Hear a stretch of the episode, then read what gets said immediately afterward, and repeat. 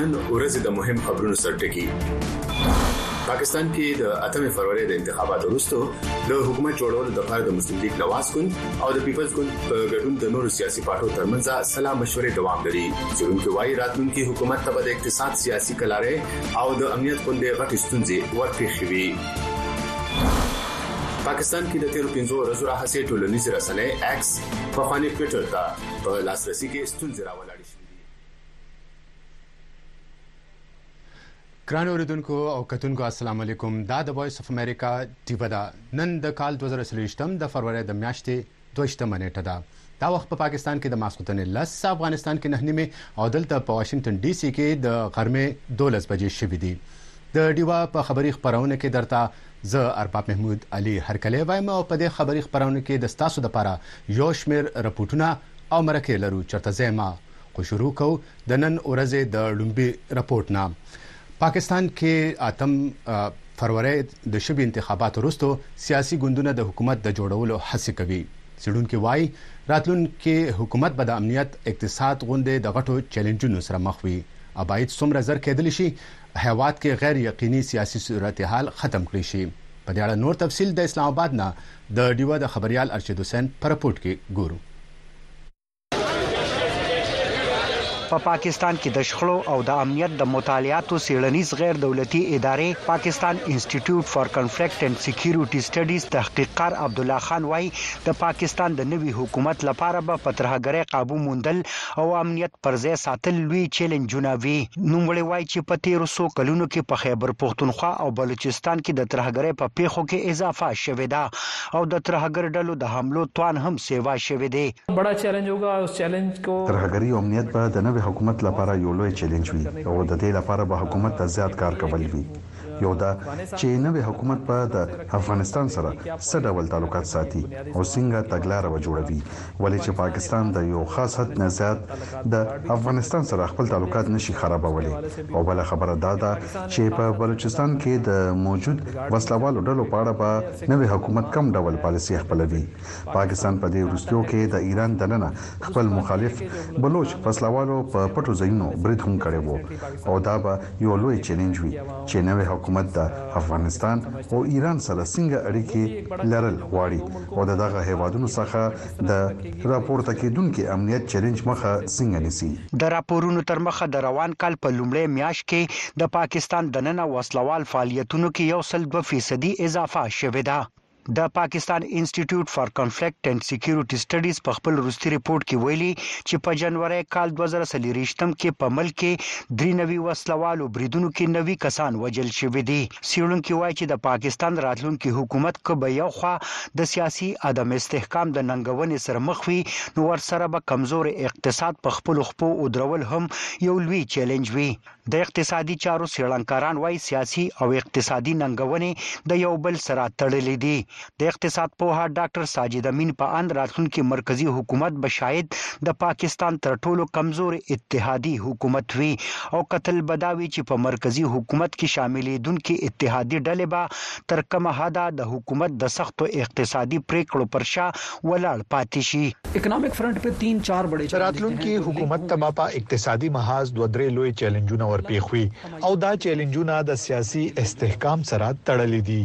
لومړی دا که نوی حکومت آئي اېم اېف ته د يو بل قرض تړون لپاره ځي نو د خبرو اېجنډه به يې څه وي او زما په خيال د آئي اېم اېف سره به دا ځل مذاکرات ډېر سخت وي د مثال په توګه که آی ایم ایف وغواړي چې د تاوان سره مخ سرکاري ادارې دې شخصي څانګې ته ورکړل شي نو آیا د راتلونکي حکومت لویه اتحادي پارټي به د دې ملاتړ کوي او که نه؟ او بل چې کوم لوی چیلنج دی چې زما په خیال تر ټولو زیات مهم دی هغه ګراني کنټرول کول دي مونږ لیدلي چې د پي ټي آی او پي ډي ایم تیر حکومتونه د ګرانۍ په کابو کولو کې ناکام شوي دي او اوس هم ګراني مخ په سېوا کېدو ده.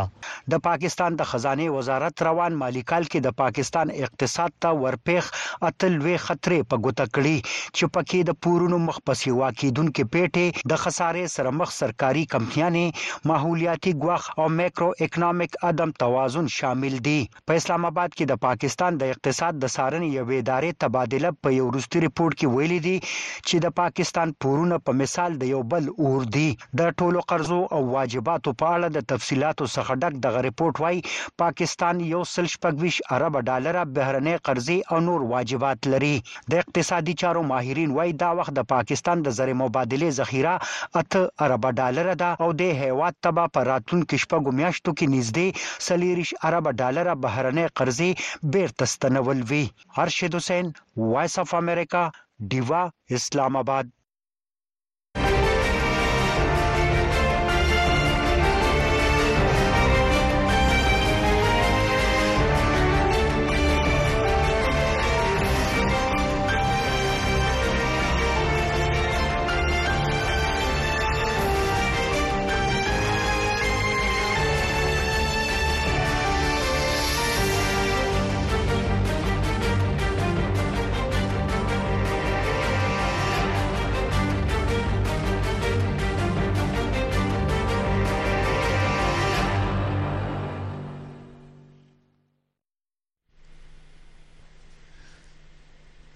د پاکستان مسلم لیگ نواز او د پاکستان پیپلز ګوند په ګډون نور سیاسي ډلې غواړي هیواد ته د ورپېښو ستونزو د مخنیوي لپاره ائتلافي حکومت جوړ کړي د راتلونکي ائتلافي حکومت نه تمې څه کېدلی شي؟ د اسلام اباد نه د ډیوه خبریاله رابعه پیر یې تفصیل په دې رپوټ کې وړاندې کوي. زمونږ هیڅ قسمه پاټو سره څه دغه نشته چی کوم ملک او قوم او د فیدی او د معاشی او د سیاسی طور باندی استحکام راوستو خواهش لری او هغی باندی خپل کار کولی شی او د ملک د فیدی او د عوامو د فیدی خبره کوي هغه حکمران زمونږ خوښ دی. یه جو حکومت آری هی یه اګه بی هماره په مسلط کی ګی هی لیکن دوباره آری هی. دغه حکومت وړاندې هم په مونږ مسلط کړی شوی وو او یو ځل بیا را روان دی دوی باید دی ځل د اولس فکر وکړي او کومې غلطې چې په تیرو څو میاشتو کې یې کړې وې بیا یې ونه کړي، که چېرې داسې ونه شو نو څو میاشتې به هم ونه چلیږي. دا نوی حکومت چې جوړیږي دې سره اصل کې دا غیر آئیني او غیر قانوني دې سره مینډیټ شته دی نه او دا غیر قانوني آئیني په دایره کې دا حکومت نه کیږي او نه دا مونږ منو ان شاءالله مونږ به پرپور احتجاج کوو مینډیټ عوام چې کوم دی پي ټي آئي له ورکړی دی د پي ټي آئي ګورنمنټ راتلل جی پکار دي. دا سراسر ناجایز حکومت ته دا موږ تسلیم کوو نه دا ګورنمنټ موږ بیخی نه منو ځکه چې دی سره عوام منډیټ شته دی نه جی او چې عوام منډیټ وسره وی نو موږ بالکل دی تسلیم کولو دا پی ډی ایم او ماغه یو ګورنمنټ ته دی 12 مهینو پیلم دی سنو کړي نو اوس په دی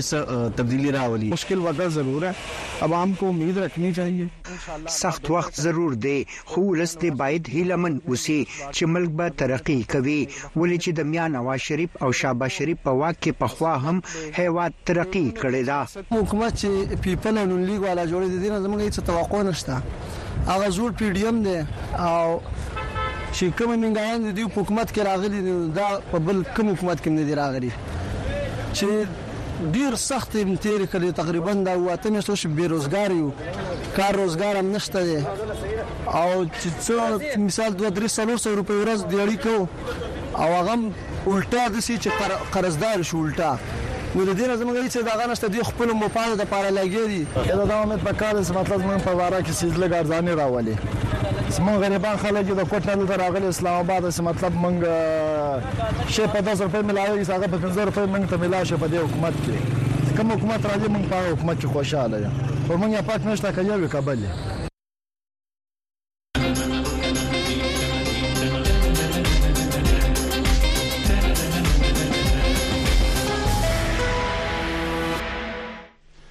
ګران اوریدونکو او کتونکو تاسو د وایس اف امریکا دیوا خبری خبرونه تر واشنگټن ډي سي نه غوږی اوس یو بل رپورت ته تاسو پام راګرځو چې امریکا د شروع یا چاشنبه په ورځ ویلي د ملګرو ملتونو نړیوال عدالت دی بیل کوم شرط او د امنیتي ضمانت پرته داسې مشاورتي رائے ورنکړي چې د فلسطین په غوښتنه اسرائیل د قبضه کړي علاقو نه وځي د سویلي افریقا په غوښتنه دا اوریدنه کیږي. دا وخت د ډیوه زموږ همکار پیر زبیر شاه صیب د ویډیو لینک د لارې موږ سره ملګری شوی دی. پیر صیب پخیر راغلی او ستړی مشې. پخیر راغلی ارباب صیب. پیر صیب امریکې د نړیوال عدالت نه څه غوښتنه کړې او څه دلیل یې وړاندې کړی دی؟ نو جیه امریکه خو بنیادی دلیل داده چه کله کومه هم فیصله چه کیږی د اسرایل او د هم د کوم چه علاقی دی د غزه او د ویست بنک مغربی کناره چه ورته وایی ویست بنک نو هغه کی به چه تاسو فیصله کوی آی سی جی ته دوی دا وایی نو د د اسرایل چه کوم د سیکیورټی هغوی د امنیت امنیت پاره چه کوم ضروریات دی پکار دی چه هغوی هم تاسو په نظر کی وساتی او داسی فیصله چه ونه کیی چي هغه بيا اسرائيل پاره خطر جوړيدی شي نو يو قسم مقصد يې دا دی که فرض که تاسو اسرائيل ته وايئ چي دا علاقه خالي کړئ نو بيا به هلته هغه پاره به بيا اسرائيل ته ډيري مسلې جوړيږي اسرائيل د وجود پاره به ډيري مسلې جوړيږي نو بايد داسي فيصله دي ونشي چي کله پوري د اسرائيل د کوم امنيتي ريکوايرمنټس دي کوم ضروريات دي هغه نه وي پوره کړي شوي نو بنيادي دا دوی ارګومنټ دی او دا لکه د یو ان یو ان طرف نه دا غونډه رابلل شوی ده او په دې باندې به خبرې کیږي پنځه دوه پنځوس ملکونه دي چې دوی به په بحث کوي او خو بهر حال امریکې خپل دا دریز وړاندې کړی دی پیر صاحب څنګه چې تاسو هم ویل خو نړیوال عدالت دا اوریدنه چې د چا په غوښتنه پیل کړی ده او تر اوسه پکې کوم فریقین دي فلسطین دي جنوبي افریقا ده یا نور ملکونه دي وینا پکې څه شوي دي. نو جی دا خو داسې دی چې دوه ورځې دا دوه کیسونه دي اصل کې یو کیس خو دا دی چې کوم موږ اوس ذکر کوو لګیا دو چې دا د یو این جنرل اسمبلي په دوه زره دوه ویشت م کې دا غوښتنه کړې وه آی سي جي نه انټرنشنل کورټ اف جسټ نه چې تاسو فیصله په دې باندې وکړئ او خپل اوپینین ورکړئ خپل چې کوم نظر دی هغه موږ ته راکړئ خو دین علاوه اوس چې کله بیا د حماس او د اسرائیل دا جنگ شو نو اغنه پس ساوث افریقا اغوی هم بیا یو کیس کړی دی او په اسرائیل باندې دا الزام لګولې دی چې دوی الته هغه کوي لکه زیاتې کوي لګیا دی نو پرون بله ورځ چې کوم بیا دلته انټرنیشنل کورټ اف جسټس کې هیرینګ کېدو په هاګ کې نو هغه کې اسرائیل جنوبي افریقا چې کومه ده جنوبي افریقا موږ تاسو اوریدونکو ته یاد کو چې دلته هغه تور تور هغه چې کوم خلک وو هغه ازادي واخیسته نو ابل ورځ دوی ورته وی چې دا اپارتاید رژیم دی اپارتاید دا دی چې دلته دوی توپيري چلند کوي په خلکو سره او اسرا چې کوم فلسطينيان دي هغوی ژوند داسې دی لکه چې په افريقې کې د تور خلکو ژوند و چې کله هغوی هلته يو قسم غلام ژوند يې تېرولو نو جنوبي افريقه دا خپله يو ذمه واري ګڼي چې سرته هم داسې کېږي نو دوی به عدالت ته ځي نو ساوت افريقه هم تللې ده هغوی هم دا کیس کړی دی او د یو این هم دا کیس روان دی چې هغوی هم هیرنګ روان دي نو دا دوه کیسونه دي چې په دې دواړو باندې به ایکسپیکټډ دی چې انټرنیشنل کورټ اف جسټس خپل نظر وړاندې کړي. پیر صاحب څنګه تاسو وویل چې نظر وړاندې کړي پوښتنه دا راځي چې فیصله کله پورې امکان دی چې فیصله به راشي یا نظر به د دوی راشي او که فیصله څه هم وي نو دا څومره اهمیت لري؟ نو جی دا خو اهمیت ډیر زیات اهمیت په دې لري فیصله خو برازي سورزو کې چې کله دا هیرینګ دا ټول هغه کې ما تاسو ته چې پرونه بل ورځ ساوث افریقې وکړو د امریکای خپل نظر ورته وړاندې کو نو نور هوادونه هم په بحث کوي خو امپلیکیشنز به دا وي چې لکه دا یو لیګل دا ډېر زړه مسله ده موږ ته پته ده د اسرایل چې کوم باندې دا تور دی چې دوی دا علاقې قبضه کړې دي او دلته نه دوی دې وځي نو دا ډېره زړه فیصله ده او که فرض کړه دا فیصله وشي نو یو خو به ما تاسو ته څنګه اول سټارټ کې وویل چې دا د اسرائیل د هغه په اړه ډېر زیات اهمیت لري هغوی د سکیورټي په اړه دغه څه که فرض کړه دا فیصله د اسرائیل په خلاف راشي او اسرائیل ځواکونو ته ووایي چې تاسو ووځئ نو بیا هغه پر اسرائیل پر دی او که فرض کا هغوی وایي چې نه اسرائیل د الته پاتې وي نو بیا د فلسطینیانو او د غزا پر او د انټرنشنل چې کوم اوس نن سبا مونږ وینو چې حماس او د اسرائیل چې کوم جنګ روان دی او په داسې ټیم دی فیصله ارول کې نو دی به ډیر زیات سیاسي او سفارتي اثرات به وي سپیشلی د امریکې پر د اسرائیل پر او د فلسطین پر.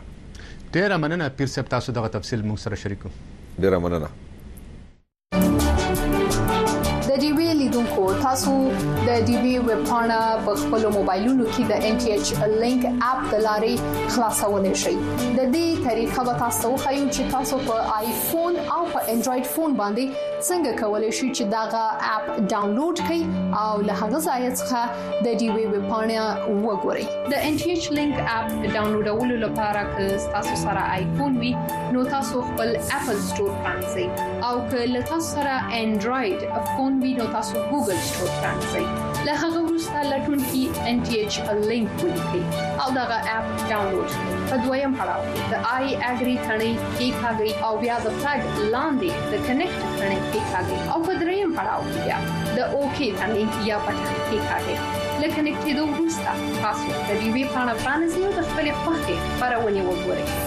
او له هغه ځایه تاسو کولی شئ چې د خپلې خوښې ټول پروګرامونه، ریپورتونه او لیکنې ولولئ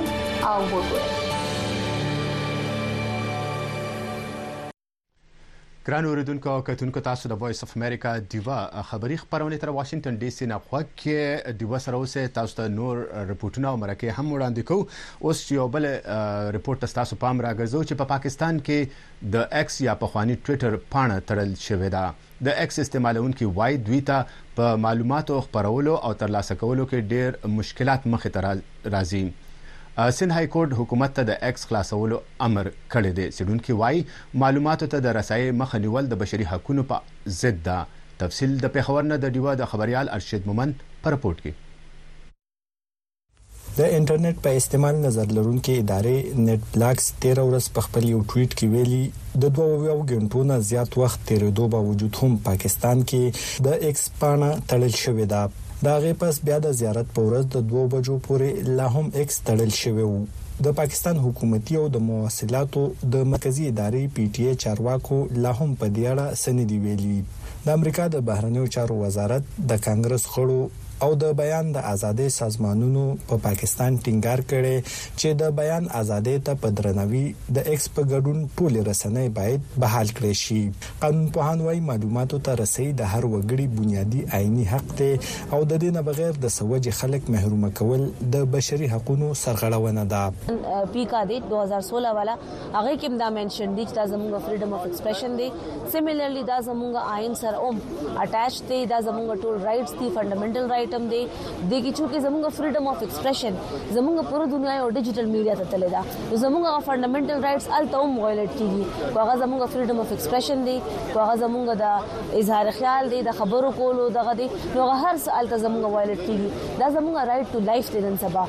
په پاکستان کې د نورو ټولنیزو رسنیو په مقابله کې د ایکس کارونکو شمیر کم دی، خو څېړونکي وايي دا په بحث ډېر اثر لري. د ګلوبل ډیجیټل انسایټ د کال دوه زره درویشتم د شمېرو تر مخه په پاکستان کې نږدې دوه اویا میلیونه خلک ټولنیزې رسنۍ کاروي چې تر ټولو کم شمېر څلور میلیونه پکې ایکس یا ټویټر کاروي. څېړونکي وايي د نورو ټولنیزو رسنیو په نسبت، په ایکس یا ټویټر سیاسي او ملکي حالاتو سره تړلو مسلو باندې زیات بحث کیږي، کوم چې اکثر لا د ریاستي پالیسیو خلاف وي، نو ځکه ایکس پاڼه تړل کیږي. دا وایولیشن دی، د بیسیک رایټس چې کوم فنډامنټل رایټس دي، بنیادي حقوق دي، د هغه خلاف ورزي ده، ولې چې ته څنګه خلک ایسارې چې هغوی خپل خبره نه شي کولی، دا خو داسې شوه چې ته یو کس ته ووایې چې ته به خپل حق باره کې به خبره هم نه کوې، نو زما خیال دی چې دا ټوله دنیا کې د دې حواله سره ډېر نیگیټیو یو میسج روان دی په کار دا دی چې حکومت دا کولاو کی او چې کم رولز هغه حساب سره چې کڅوک وایلیشن کوي دا غا بیا سزا هم شته سیړونکي وایي ښکاري چې د روان سیاسي اړي ګړي د وجې د ایکس پاڼه تړل شوې ده په وروستیو کې د راولپنډۍ کمشنر په انتخاباتو کې د درغلیو په سر د بیان وروسته د ایکس پاڼه بنده ده د سیاسي حکومتي چارواکو د ایکس تړلو او یا د بیا پرانیستو په اړه لا هم څه نه دي ویلي. دې نه وړاندې په نهمه مۍ د پاکستان تحریک انصاف د احتجاجونو په وخت هم انټرنیټ تړل شوی و او په اتمه فرورۍ د ټاکنو په ورځ هم د موبایل سرویس او انټرنیټ په ټول پاکستان کې بند کړی شوی و. ارشد مومند، وایس آف امریکا، ډیوه، پېښور.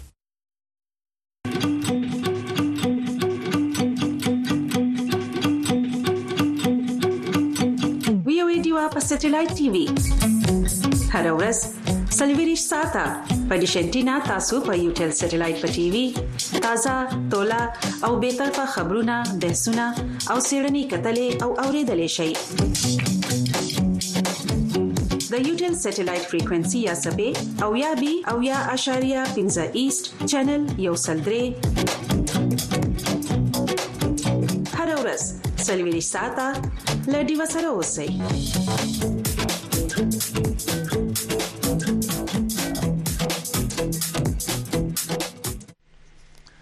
ګران اوریدونکو او کتونکو تاسو د وایس اف امریکا دیوا خبری خبرونه تر واشنگټن ډي سي نه غواګی پاکستان کې د انتخاباتو وروسته د حکومت جوړولو دپاره سلا مشورې روانې دي، بلې خوا په شوو انتخاباتو کې د درغلو د تورونو د پلټنې دپاره د عدالتي کمېشن غوښتنې هم کېږي. په دې اړه د وروستي معلوماتو دپاره په اسلام اباد کې د ډیوه خبریال الیاس خان مونږ سره د سکایپ د لارې ملګری شوی دی، د دوی سره خبرې اترې کوو. الیاس صاحب پخیر راغلئ. ډیره مننه ارباب صاحب خوشحاله اوسې. ډیره مهرباني الیاس صیب د شوو عامو انتخاباتو نږدې څوارلس ورځې پوره شوې دي د ائتلافي حکومت په اړه سلا مشورې کوم ځای ته رسیدلې دي؟ جی ارباب صاحب خاص کر چې دغه تر کومې پورې دغه د پاکستان مسلم لیګ نون او پیپلز ګوند خپلو کې سلا شوي نه وو چې په مرکز کې به دوی حکومت جوړوي نو ډیر یو غیر یقیني صورتحال وو خو کله نه چې دوی دغه سلا شول چې په کامي په مرکز کې به او په پنجاب کې او دغه رنګ بلوچستان کې به دوی ائتلافي حکومتونه جوړوي نو د هغې نه رسو غیر یقیني صورتحال ختم شو سلا مشورې اوس هم روانې دي په هغې کې چې کوم آئیني عهدې دي په مرکز کې پیپلز ګوند ته ورکړې شوي دي او وزیر اعظم به دغه رنګ د مسلم لیګ نون شهباز شریف وي صدر به آصف علي زرداري وي د دې ترڅنګ چې په لویه صوبه ده پنجاب هلته کې هم ایتلافي حکومت دی خو مسلم لیګ نون دغه بینا ده چې مونږ سره یو سل اته دېرش زمونږ چوکۍ دي او دغه رنګ چې مونږ سره د زنانه او اقلیتونو پیپلز پارټۍ مسلم لیګ کاف چوکۍ را یوځای کې نو زمونږ ته ساده اکثریت نه زیات ووټونه حاصل دي دغه غونډه سبا لس بجې رابلل شوې ده پنجاب اسمبلۍ هال کې په کوم کې به چې نوي منتخب شوي غړي سوګند پورته کوي او د پنجاب په تاریخ کې په ړومبي ځل د مسلم لیګ نون مرستیال صدر مریم نواز چې نومیالۍ شوې ده د دغه چوکۍ لپاره وزیر اعلی لپاره نو دا به د پنجاب په تاریخ کې ړومبی ځل وي چې یو زنانه ته به دغه چوکۍ وسپارل شي دغه رنګ د سند ګورنر هم د سند اسمبلۍ اجلاس سبا یوولس بجې راغوستی دی چې په هغې کې به نوي منتخب شوي غړي سوګند پورته کوي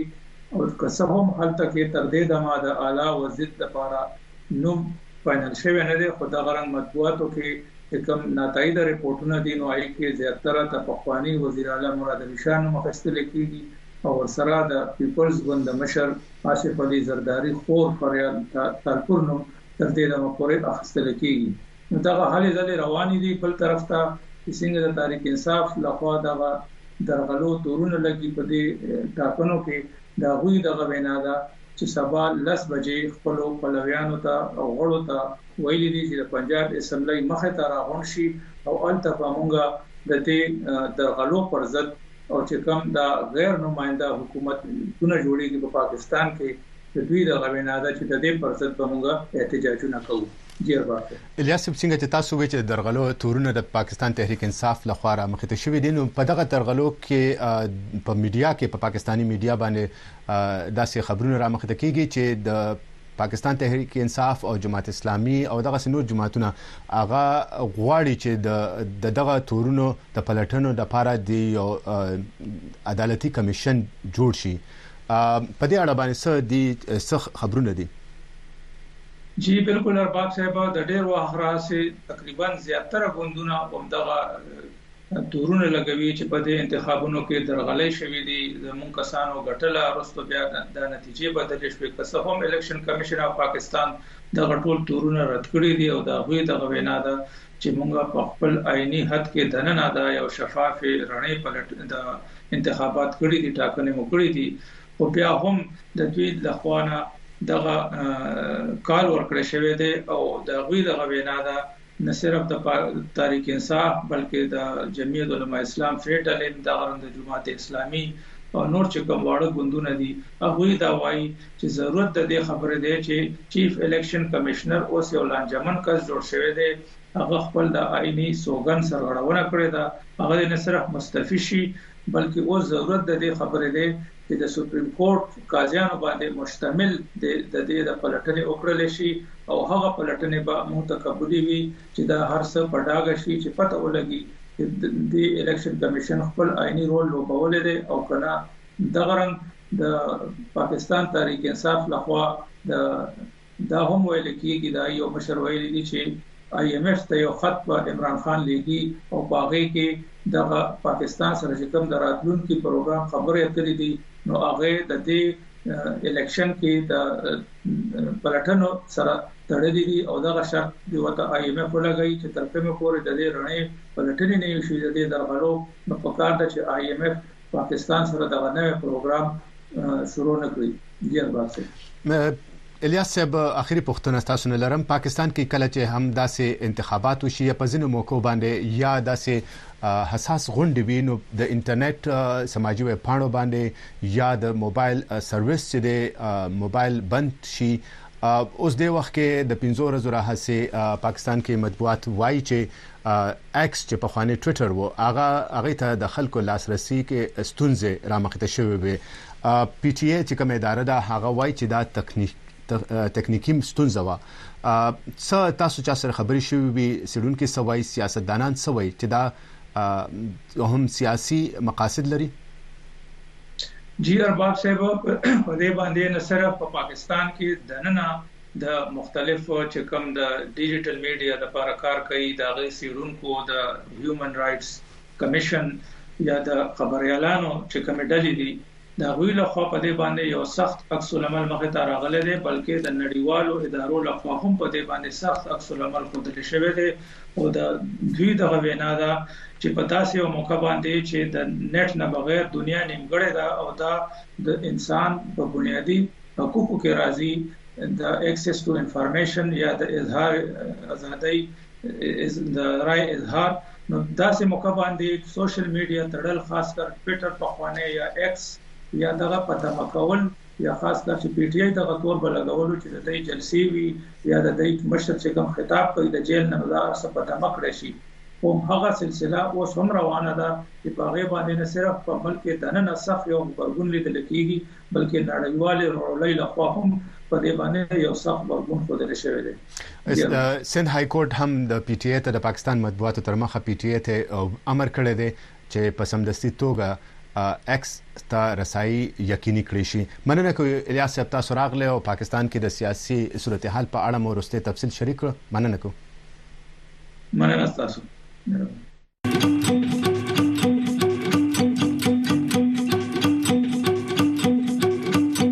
ویوي دیوا په سټلایټ ټي وي هر ورځ سلویریش ساته په دیشنټینا تاسو په یو ټل سټلایټ په ټي وي تازه تولا او به طرفه خبرونه بحثونه او سیړنی کتلې او اوریدلې شي د یوټل سټلایټ فریکوئنسي یا سبې او یا بي او یا اشاریه 15 ایست چینل یو سلدري هر ورځ سلوي ساته لډي وسره اوسئ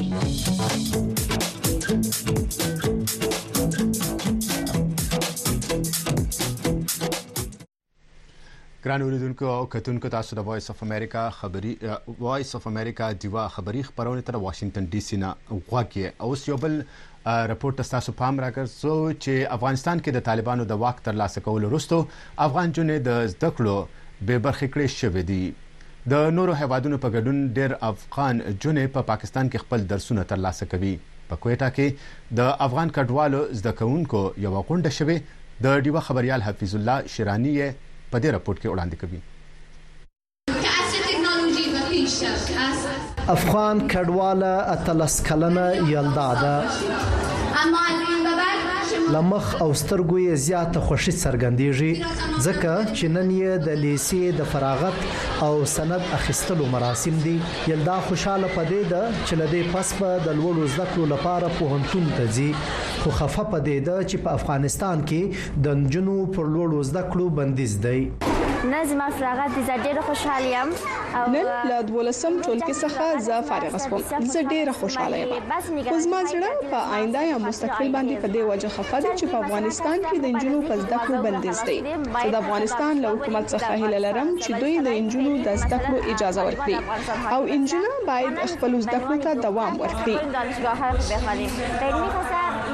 د دوه زره یوویشتم په اګست کې پر کابل د افغان طالبانو له واکمنېدو پس دوی له شپږم ټولګي پورته د نجونو پر زده کړو بندیز لګولی د کال دوه زره څلورویشتم د فرورۍ پر شلمه د طالبانو د حکومت د صحت چارو وزیر ویلي د روان کال د مارچ له میاشتې څخه یوازې د طب په څانګه کې زده کړه کوونکو ښځینه زده کوونکو ته په تعلیمي ادارو کې د داخله اخیستلو اجازه یې ورکړی د یلدا په ګډون څلويشت افغان کډوال زده کوونکو د کوټې د هزاره ټاون له استقلال عالی لیسې څخه تر دولسم ټولګي زده کړې تر سره کړې دوی وایي ک پر افغانستان واکمن طالبان پر تعلیم لګېدلی بندیز لیرې کړي، نو ښځینه زده کوونکې به لوړې زده کړې وکړي او په ګډه به د خپل وطن خدمت وکړي. زه په دې خاطر غواړم چې لوړې زده کړې ترسره کړم چې د خپلو خلکو مرسته او خدمت وکړم.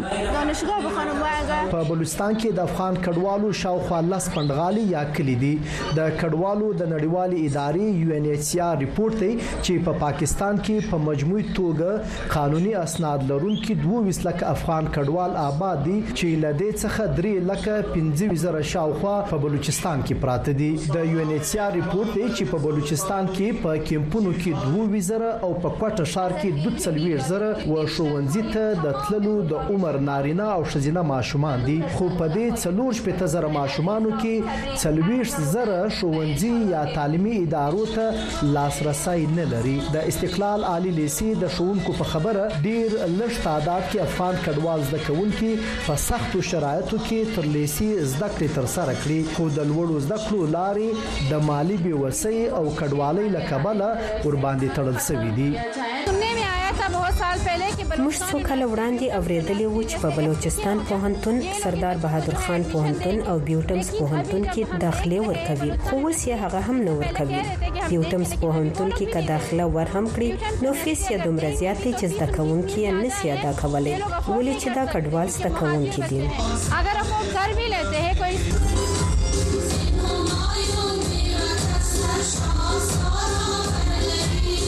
د 2000 کال د یو ان ایچ سي آر رپورټ دی چې په ټول پاکستان کې 50 زره ماشومانو ته د زده کړو ترتیب یې برابر کړی، خو افغان زده کوونکي پر کابل له واکمن افغان طالبانو غوښتنه کوي چې د ښځینه او نارینه دواړه زده کوونکو لپاره دې پوره او ازاد فرصتونه برابر کړي تر څو دوی په ارام ذهن او لوی زړه په خپل وطن کې ښې او لوړې زده کړې ترسره او د وطن برابر خدمت وکړي. حفیظ الله ستوری شیراني، وي او ای، ډیوه، کوټه.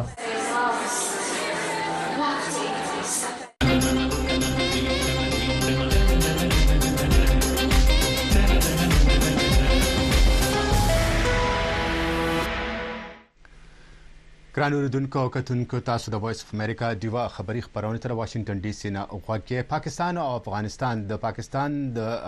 سرشمیرنې د روسته سرشمیرنې تر مخه د پاکستان د کل ابادۍ شپېته فیصده ځوان کل دی د پاکستان په ډېره اسماعیل خان کې په ګومل پوهنتون کې په لومبي ځل د پښتو څنګه پرانستل شوه چې پکې د مورنو ژبو نړیواله ورځ منځل شوه ده وینا کوونکو وویل، د پښتو څانګې په لومړي سیمسټر کې تر ټولو زیات پنځه شپېته زده کوونکو داخلې اخیستې خو وايي دا څانګه تر اوسه خپله ودانۍ نه لري. نور تفصیل د عدنان بېټني په رپورټ کې. د غونډه تېره ورځ د کومل پوهنتون پښتو څانګې د مورنیو ژبو د نړیوالې ورځې په مناسبت جوړه کړېفه په پوهنتون کې دا څانګه په لومړي ځل پرانستل شوې. چې د دې سیمې خلکو په ځانګړي توګه ځوانانو یې هرکلی کړی دی. وینا کوونکو وینا پر مهال پنځه قرارادونه منظور کړل، چې تر مخه دوی په پوهنتون کې د زده کړو ځای نه لري، په فوري توګه د جدیدو اسانتیاوو سره برابره ودانۍ جوړه کړل شي، چې پکښې د زده کوونکو دپاره د زده کړو خونې، کتابتون او د غونډو دپاره هال موجود وي. په پوهنتون کې دننه د پښتون کلتور میوزیم جوړولو سره دې په نور سوشل سبجیکټ یا د ټولنیزو علومو په مضامینو کې د انګریزۍ، مطالعه پاکستان او عربي علومو سره دې پښتو شامل کړل شي. پښتو د اتلسم ترمیم له مخې د پښتونخوا په ټولو سرکاري او شخصي سکولونو کې تر دولسم ټولګي لازمه شوې ده. دوی غوښتنه وکړه چې په دې قانون دې زر تر زره عمل وشي. وینا کوونکو وویل، په ګومل پوهنتون کې دې د ایم فیل، خو پي ايچ ډي داخلې دې هم دستي اعلان کړل شي. دا وخت پښتو څانګه ګومل پوهنتون په ړومبي سمسټر کې يعنې ړومبي سمسټر کې پنځه شپېته زده کړيال لري د دې نه وخت په وخت باندې مونږ په راروان وختونو کې پلان لرو چې په پښتو څانګه ګومل پوهنتون کې د ايم پيل او پي ايچ ډي زدکړیال هم داخل کړو او یونیسکو وایي د وخت په نړۍ کې 40% خلک په خپل مورنۍ ژبه د تعلیم نه محروم دي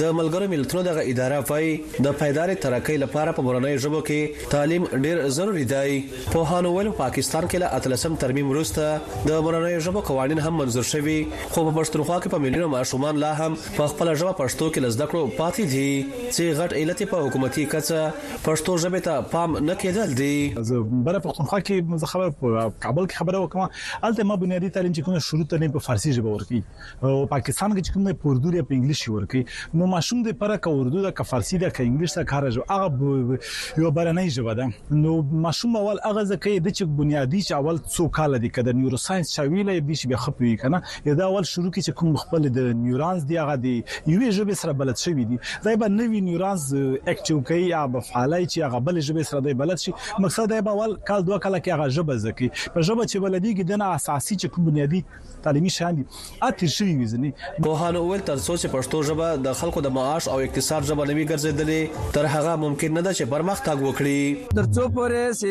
زموږ پښتو ژبه د دفتري ژبه یا د تعلیمي ځابه یا د معیشت ځابه نه جوړه سوي تر هغه پورې نه موږ ترقی کولای شو نه د سیمه ترقی کولای شي هم کدا د باندې سرکار ل د آئین مطابق په صحیح تر عمل وکي نو د سره په وطن کې امن هم راشي دا خلک به د ډوډۍ خاوندان سي. د غونډې په پای کې راغلو شاعرانو خپل شعرونه واورول چې له خلکو یې دروند داد واخستو. د کونډو، پورو، ورانو نه سوا ته راته وایه تا کومه ګټه پورته کړه له جنګه غنه ورنګه. وینا کوونکو زیاته کړه، که څه هم پاکستان کې په سرکاري توګه پښتو ژبه له پامه غورځول شوې، خو د دې پر وړاندې د جوړ خنډانونو، او ستونزو لرې کولو دپاره يې هوډ څرګند کړو او ويې ويل دغه رنګ مبارزه به دوامداره ساتي چې پکښې د پښتو ژبې پرمختګ ممکن وي. عدنان بېټنی، ډيفه، ډېره اسماعيل خان.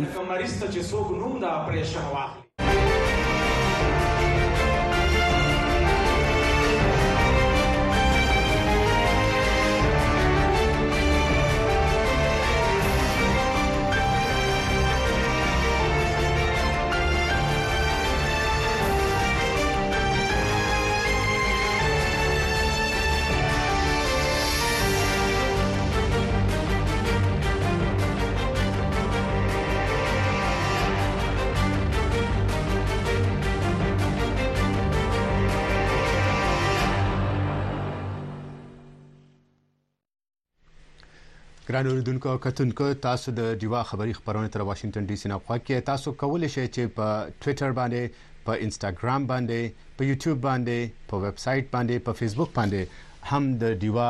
تازه او مهم خبرونو نه او رپورټونو خبر شئ اوس یو بل رپورټ ته تاسو پام راګرځو چې خیبر پښتونخوا کې داسې کسان چې سناسه جسمانی معذوری لري لري، وايي د دوی له پاره تعلیم او د هنر ښودنې حکومتي ادارې شته، خو په ټولنه کې د دوی د ورګډولو له پاره لا څه نه دي شوي، ځکه عام ژوند کې دوی د نورو نه بېل پاتې شوي دي. د یو داسې معذوره کس سره څه ګیلې کېدلی د یو داسې معذوره کس څه ګیلې کېدلی شي؟ د پېښور نه د ډیوه خبریاله سعدیه قاسم شاه یې تفصیل په دې رپوټ کې وړاندې کوي. د پیښور راهیل شیرین د پولیو د لاسه د یو خپې معذورینه باوجود ګرځیدل شي او خپل کار روزګار هم کوي خو ګیله لري عام ژوند کې غټ مشکل د خلکو رویې دي چې دوی ته د وړوکوالي نه هر لحظه دا احساس ورکوي چې ته معذور یعنی د هیڅ کار هم نه خپل تروریانه وي ماته ته په تعلیم باندې څه کې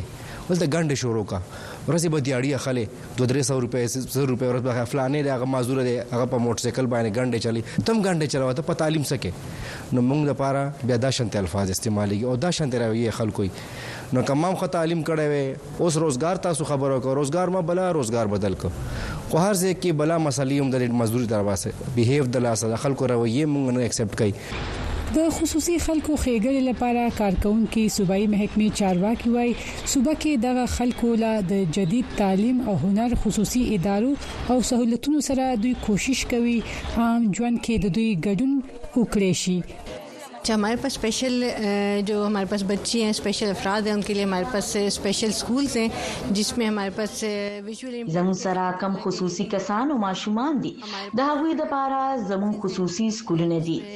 د نظر او د اورېدو غوندي معذورتيا لروونکو له بېل بېل ادارې دي، چرته چي خصوصي تعليم سره سره خصوصي خلکو ته د هنر زده کړه هم ورکوو. ځينې اس مې چارون ډيسيبليټيز هم ديتي هې هم ان کو سکيل بي پرووايډ کرتي هې. خو د معذورانو د پاره دغه د تعليم او هنر خصوصي ادارو نه بهر اوس هم معذور يا خصوصي خلکو عام ژوند کښې ګډون ګران وي او دوي د عامو خلکو نه ځان بېل محسوس کوي.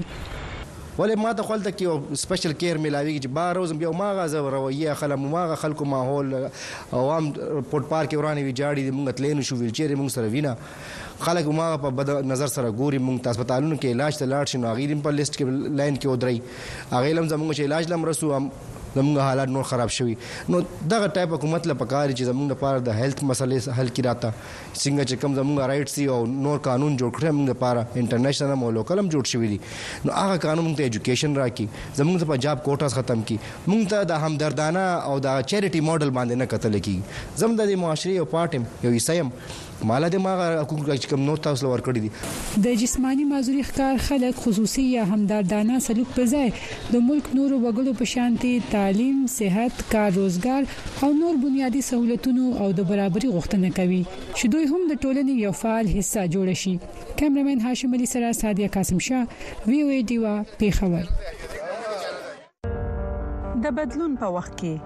کله چې نړۍ د غیر یقیني سره مخامخ کاری او کله چې موږ ساورو هغه هغه شان نه ښکاري چې څنګه یې وینو مونږ د رښتیا ولټون کوو مونږ ته چې کله نیمګړی قصه ویل کیږي مونږ په باور بیلو د کڑکېچ په شیبو کې زمون خوبونه امیدونه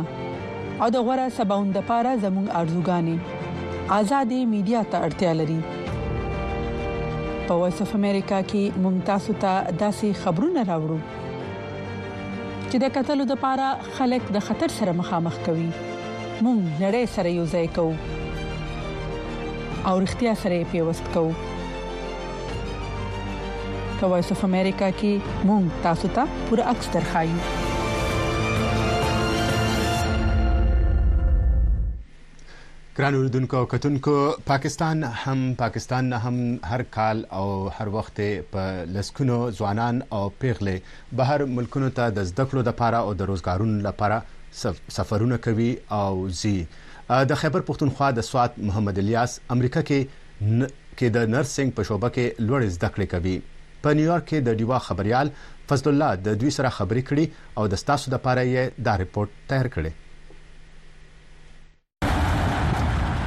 محمد الیاس د خېبر پښتونخوا سوات اوسېدونکی دی چې دا وخت د هیوبرټ اېچ هم په فیلوشیپ په وظیفه په امریکا کې لوړې زده کړې کوي. هغه د طب، نرسنګ، زده کړې کړې دي او وايي، په پاکستان کې د نرسنګ شعبه د نورې نړۍ سره د مقابلې نه ده او وجه یې دا ده چې کوم درس په پاکستان کې ښودل کېږي، د کال دوه زره یولسم وروسته پرې هېڅ کار نه دی شوی او د نړۍ د نورو درسونو ډېر زوړ دی.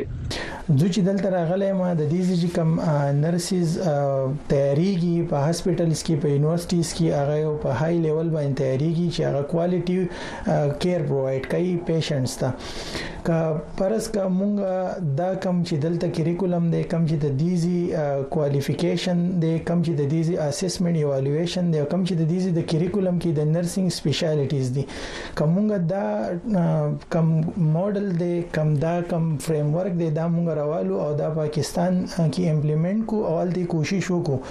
نو مونږ دسی کوالیفاید نرسیز او ټرین نرسیز تیارولای شو چې هغه مونږ دنیا ته ورکو او هغه د پاکستان نوم په دې دنیا باندې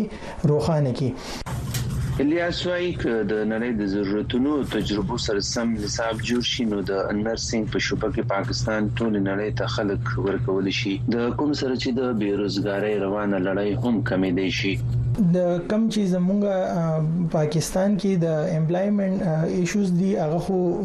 دی او هغه د وخت سره چې دی نو هغه کته شي خو چونکی کم نوې ماډل په پاکستان کې امپلیمنٹ شوی دی چې کم د کم چې کنټراکټ بیس امپلایمنت دی کم ته چې موږ ایم ټی آی وایو نو هغه د لاسه ډیر شي نرسان چې دی هغه ډیسایډ شوی دی نو هغه ته به د اپورتونټی پروواید شي چې هغه به د ملکونو تراشي او په دې ملکونو کې خپل کریئر چې دی نو هغه روان کړي. د امریکا او پاکستان د نرسانو ترمنځ د توپیر په اړه الیاس وايي، په پاکستان کې د نرسینګ په میدان کې د مهارت یا سپیشلایزیشن کومه لار نشته، خو دلته دا هر څه شته چې ګټه یې یوازې هسپتالونو ته نه، بلکې عام ولس ته هم رسېږي. که اوس موږ دا ماډل په پاکستان کې امپلیمنټ کړو، نو د دې به موږ ته دا فایده وشي، چې کم زموږ د پاکستان کې د ډیزیز برډن دی چې کم په کمیونټي لیول باندې موږ هندل کولای شو کومګ وګور زموږ په هسپتالونو کې د فیشن فلو ډیره سیوا ده نو دا نرسان به دسی پریپیر شي چې دوی به هغه کم ایمرجنسیز چې دي نو هغه په کمیونټي کې هندل کولای شي او هغه په هسپتال باندې هغه برډن کم کی الیاس د پاکستان له حکومت غوښتنه وکړه چې باید د نرسنګ نصاب ته بیا کتنه وشي او داسې د نړۍ د معیار سره سم نرسان تیار شي بیا یوازې په پاکستان نه بلکې د نړۍ نورو هېوادونو ته دغه خلک لېږل کېدای شي، خو باید له هر څه وړاندې په معیاري نرسنګ نصاب کار وشي. فضل الله، وایس اف امریکا، ډیوه، نیویارک.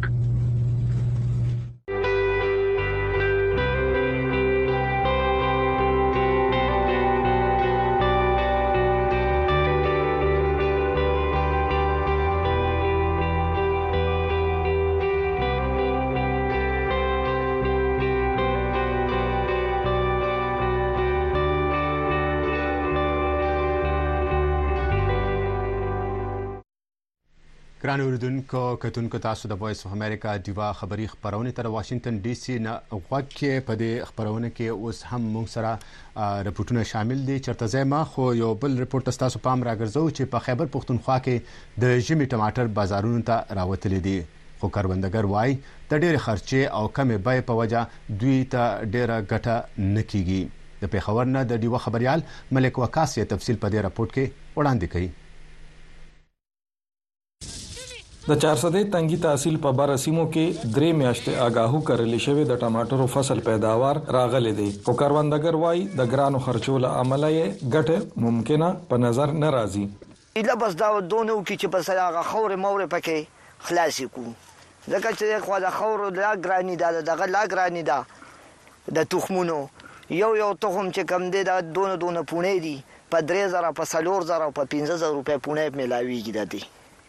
پوه شو د هغې مونږ چې کم دی نو ایله دونه وشي چې مونږ هغه خپله خواري مزدوري پکې راته پاتې شي هم د دغې سیمې کروندګر وايي، د ګرانو سرو، تخمونو او داروګانو سره سم د ځمکو د ګرانو اجارو له وجې یې سږ کال ډېره ځمکه و نه کرلې شوه. ګرانه ده نو بس وخته وخته ګرانېږي. ما خو څه پټي پرېمښودل په دې وجه باندې تقریباً یو پنځه زره روپۍ پټی مې پرېمښوده چې وس مې ورته نور نه کېده نو په شپېته زره روپۍ تاوان مې ټک که په ګنو کې په ګني هم سمونه شوه اوبه هم نه وې بارانونه هم نه وو بس هغې بعد دغه تاوان راله راغی. د ګرانۍ او د فصلونو د حاصلاتو نه د ګټې نه کېدو له وجې د کروندګرو فریاد په خپل ځای خو د ټماټرو بیوپاریان یا تاجران هم د ټماټرو د حرص نه ډېر خوشاله نه دي. تقریباً د شلو روپو ټماټر یې اخیستي دي ځان چې یاره ټولې پنځلس لکه نو کې خرچه پرې ډېره ده څلور پنځه شپږ لکه روپۍ پرې خرچه ده چې او ډوډۍ نه بغیر او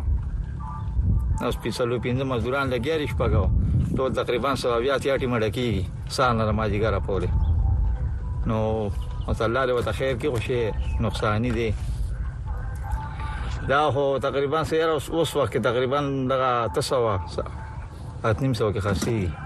په کرونده د کیدونکو ګرانو خرچو له امله زمیدار د حکومت نه غوښتنه کوي چې سره تخمونه او داروګان دې ارزان کړي سره چې به د دوی معاش هم مخ په ترقۍ شي ملک وقاص وایس اف امریکا ډیوه نیوز چارسده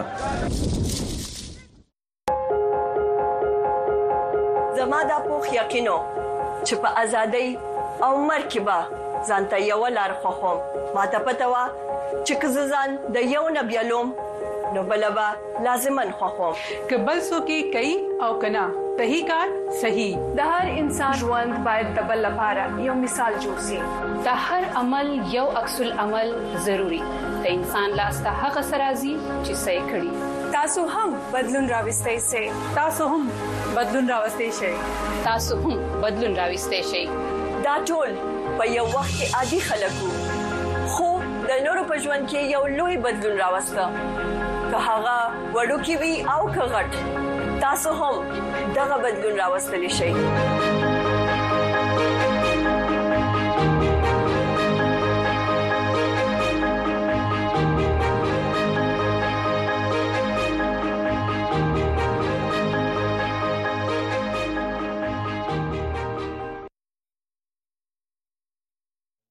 غوږ کې اوس یو بل رپورت ته ستاسو پام راګرځو چې د امریکا په حق لدی په ارلنګټن ورجینیا کې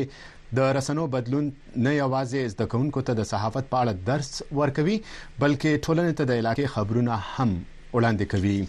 د وایس اف امریکا کریستینا کیسیدو په دې اړه رپورت جوړ کړي چې د ډیوا زموږ همکار بهشته تلاش یې تاسو ته وړاندې کوي د جمعې په ورځ د غرمې په وخت ځوانان د خوراک سره سره په خپلو کمپیوټرانو کې کار هم کوي او د محلي خبرونو په اړه بحث کوي.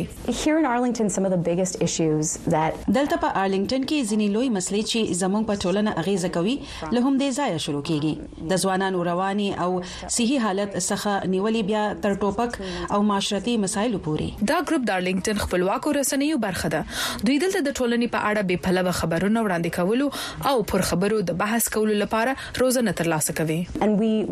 موږ هغو ماشومانو ته زده کړې ورکوو چې له لیکلو، خبرونو او میډیا سره علاقه لري، هغه څوک چې له حکومت او سیاست سره علاقه لري او هغه ماشومان چې په کورونو کې په بهرنیو ژبو خبرې کوي. خبره دا ده چې هر څوک د ویلو لپاره یو څه لري چې باید وویل شي. دوی په اونیزو غونډو کې د خلکو په اړه د مرکو او د هغوی قصو او تګلارو په اړه خبرې کوي. د ژورنالیستانو په روزنه کې یو داسې ایکو سیستم دی چې په ارلینګټن او د نړۍ په څو نورو ځایونو کې موندل کیدای شي. زه اوس مهال د منګوریا ووک په اړه په یوه کیسه کار کوم، کوم چې یو نادر لنډبل دی چې ډیر خلک د دې په اړه نه پوهیږي. کورل په تیر اوړي کې په دې پروګرام کې شامله شوه. هغه وايي، د محلي خبرونو پوشش هغې ته د مختلف لیدلورو او زاویو په اړه درس ورکړی. یو بل زده کوونکې رازي فریکسون وايي، دا پروګرام د همکارۍ لپاره خوندي ځای وړاندې کوي. دې پروګرام زما د ژورنالیزم سره په داسې طریقه مینه پیدا کړه چې ما مخکې نه وه کړې، ځکه چې زه دا احساسوم چې نوي شیان زده کولی شم. د دې ږغونه د ارلنګټن امپ په پوډکاسټ کې هم اورېدل کېږي او هغه زده کوونکي چې خپرونې جوړوي هغه په ارلنګټن امپ پوډکاسټ باندې خپرېږي. کوډي چې زده کوونکی دي د راپور ورکولو تر څنګ غواړي نړیوال ریکارډ هم جوړ کړي. The fastest time visiting all the metro stations in the the DC area. د DC په سیمه کې د ټولو مټرو سټیشنو لیدو اوسنی ریکارډ اته ساعته دی. او زه هیله لرم د امپ ارلینګټن د خپرونو په نوي قسطونو کې دا نړیوال ریکارډ خپل کړم. فنیګن د نړیوال ریکارډ جوړولو کوشش کوي، خو اوس هغه د دې فرصت څخه په استفادې د مټرو بودیجې د ستونزو او ځنډ په اړه راپور ورکړی دی.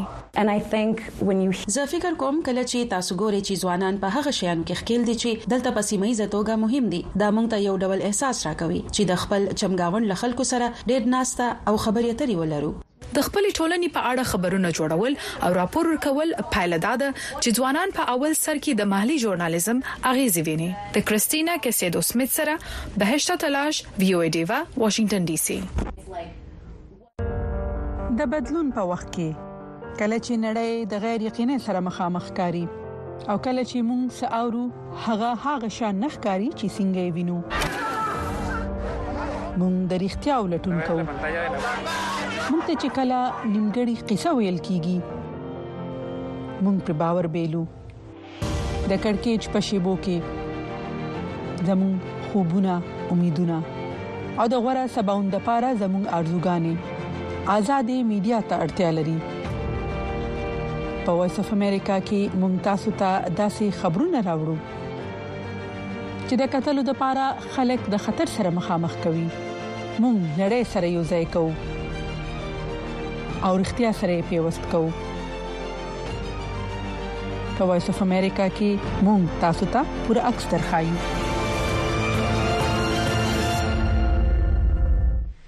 د ملګرو ملتونو تر مخ د میډیا ازادي د جمهوریت لپاره ډیره ضروري ده. اوس یو بل رپورټ ته ستاسو پام راګرځو چې د امریکا په ټکسس ریاست کې خلکو خپلو کورني حیواناتو کلونونه جوړوي. داسې ولې کوي؟ د ټکسس ریاست د ټکسس ریاست د مرکز آستن څخه د وایس اف امریکا ډیانا میچل په دې اړه رپورټ جوړ کړی دی چې زموږ د ډیوه همکاره بهشته تلاش یې تاسو ته وړاندې کوي. My original cat was named Chai. زما اصلي پیشو چای نومېده او هغه ما ته ډېره ګرانه وه. د هغې سره ما خاصه مینه لرله چې هغسې مینه مې له بل کورني حیوان سره تر اوسه نه دی پاتې شوی.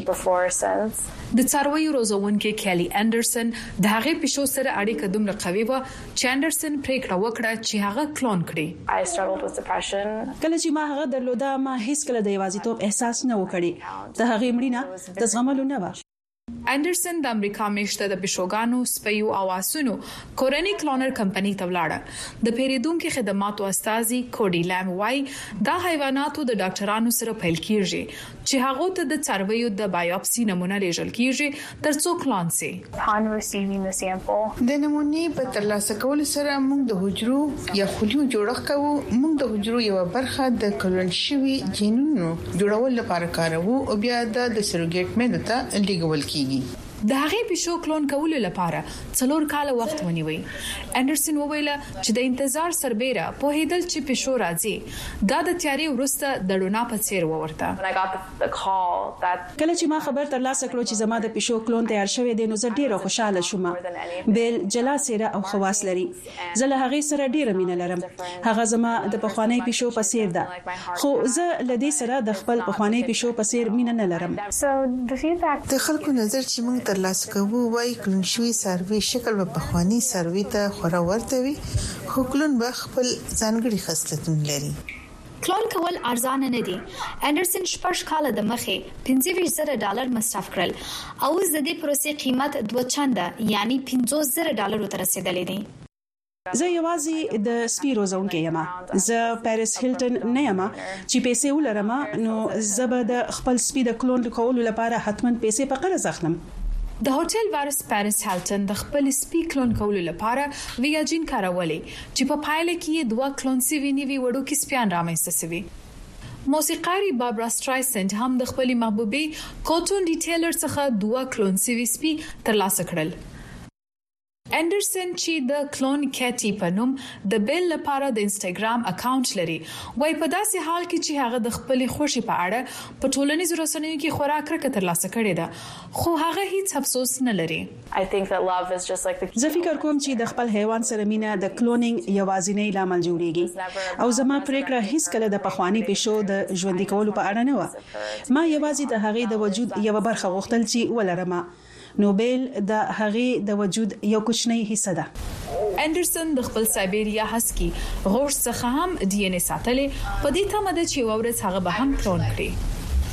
ډیانا میچل سره بهشته تلاش، وي او ای ډیوه، واشنګټن ډي سي.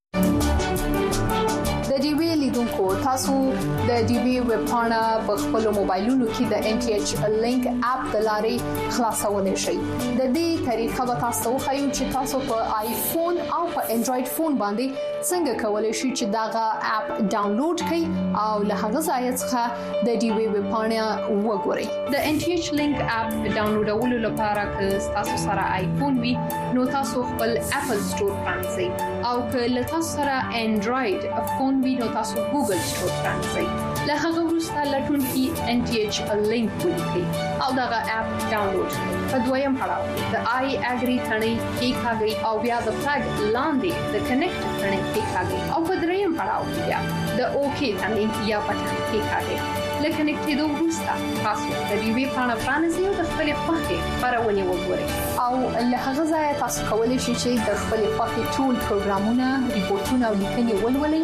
او وګورئ ګران اوریدونکو او کتونکو تاسو د وایس اف امریکا دیوا خبری خبرونه تر واشنگټن ډي سي نه خوکه د خبرونه هم دي سره د سره پای تر سي خو تاسو کولی شئ چې د وی او ای دیوا اکاونټ ته لاړ شئ په ټوئیټر باندې په انسټا باندې یوټیوب باندې او په فیسبوک باندې تاسو تازه او مهم خبرونه خبرېدل شئ د دیوا نننې خبری خبرونه پای تر سي زه ارباب محمود علي د خبرونه قربا